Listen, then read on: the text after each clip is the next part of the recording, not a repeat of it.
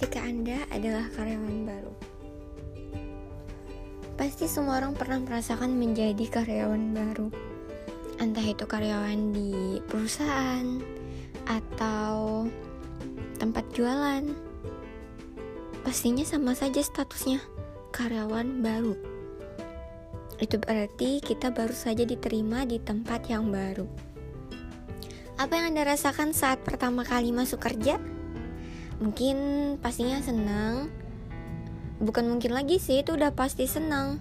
Setelah sekian lama kita nyari kerja dari timur ke selatan, utara, barat, kita nyari lowongan kerja, akhirnya kita diterima. Itu hal yang sangat menakjubkan terlebih lagi kita udah lulus di tahun 2019 misalnya. Kita baru saja diterima di tahun 2021 bayangin tuh perjuangannya berapa tahun buat diterima? Ya senang lah diterima. Tapi memang sih ya sesuatu yang baru itu selalu ada sensasi deg-degan.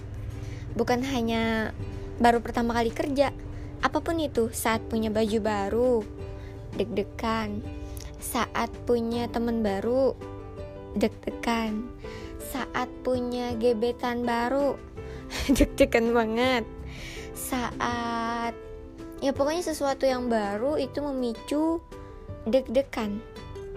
Apalagi ini adalah sebuah pekerjaan di mana kita harus melakukan sesuatu untuk membantu orang lain. Pertanyaannya mampukah kita melakukan itu mungkin sebagian ada yang merasa udah gak percaya diri duluan. Ada yang tidak bisa tidur duluan dari sejak malam. Itu pengalaman saya sendiri sih.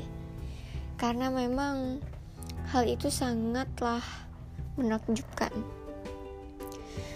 Uh, saya bikin podcast ini terinspirasi dari sebuah video yang masuk FYP saya. Dari aplikasi TikTok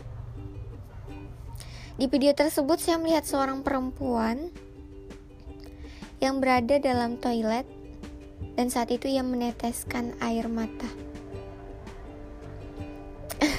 saya jadi terinspirasi karena ada kata-kata di dalamnya dan komentar-komentarnya. Katanya, jangan ngaku pernah jadi karyawan kalau belum merasakan ini. Apaan tuh? Menangis dalam toilet. Mungkin itu bukan hanya saat kita menjadi karyawan baru. Mungkin ketika sudah menjadi karyawan lama pun pernah mengalami hal ini. Entah itu karena atasan yang pemarah, kesalahan yang kita lakukan, malu yang kita rasakan. Itu wajar sih. Terlebih lagi kita baru, banyak hal yang belum kita ketahui tentang pekerjaan tersebut. Banyak hal yang belum kita kenal mengenai teman-teman kerja kita. Terlebih lagi sifat atasan kita. Kita orang baru. Kita belum punya apa ya? Belum punya sesuatu yang bisa membuat kita percaya diri. Jadi kita jadi lebih sensitif aja gitu, lebih minder Terlebih lagi ada ucapan atasan yang bikin kita sakit hati. Misalnya nih, kita kurang cepat dalam mengerjakan sesuatu. Mungkin saja atasan tersebut lagi panik aja, mungkin lagi dikejar deadline juga, dikejar target juga. Dan pas banget targetnya itu ada di tugas kamu. Gimana tuh rasanya? Pasti kita juga jadi deg-degan kan? Kita masih baru, newbie, kita masih belum terlalu mahir. Eh, malah dapat target.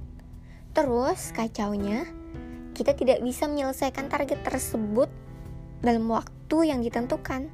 Akhirnya apa? Atasan kita marah. Gimana tuh? Takut ya kan? Takut.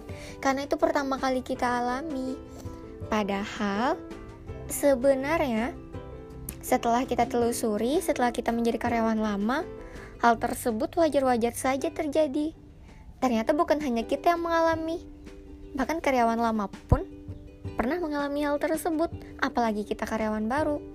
Tapi karena kita baru, itu pikiran kita masih masih labil, kepercayaan diri masih kurang, rasa takut masih tinggi, deg-degan juga terus mengganggu ya kan? Itulah ketika Anda menjadi karyawan baru. Jadi buat Anda yang baru saja diterima bekerja, pokoknya semangat, percaya diri aja. Yang penting jangan malu untuk bertanya. Kalau kita tidak bisa, kita harus bertanya kepada orang yang lebih bisa, yang lebih menguasai. Kalau kita udah nanya, terus sudah dijelaskan, belum bisa juga. Itu artinya kita perlu lebih konsentrasi lagi.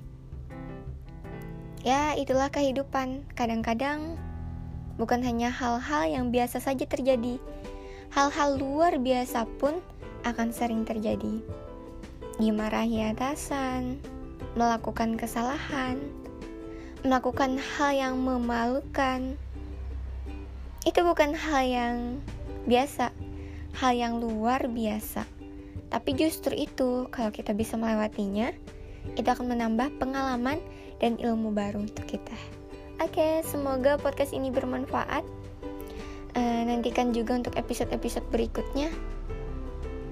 Mungkin kita akan membicarakan hal-hal lainnya. Dan semoga kita menjadi seseorang yang bermanfaat untuk orang lain di mana pun kita berada. Bye bye.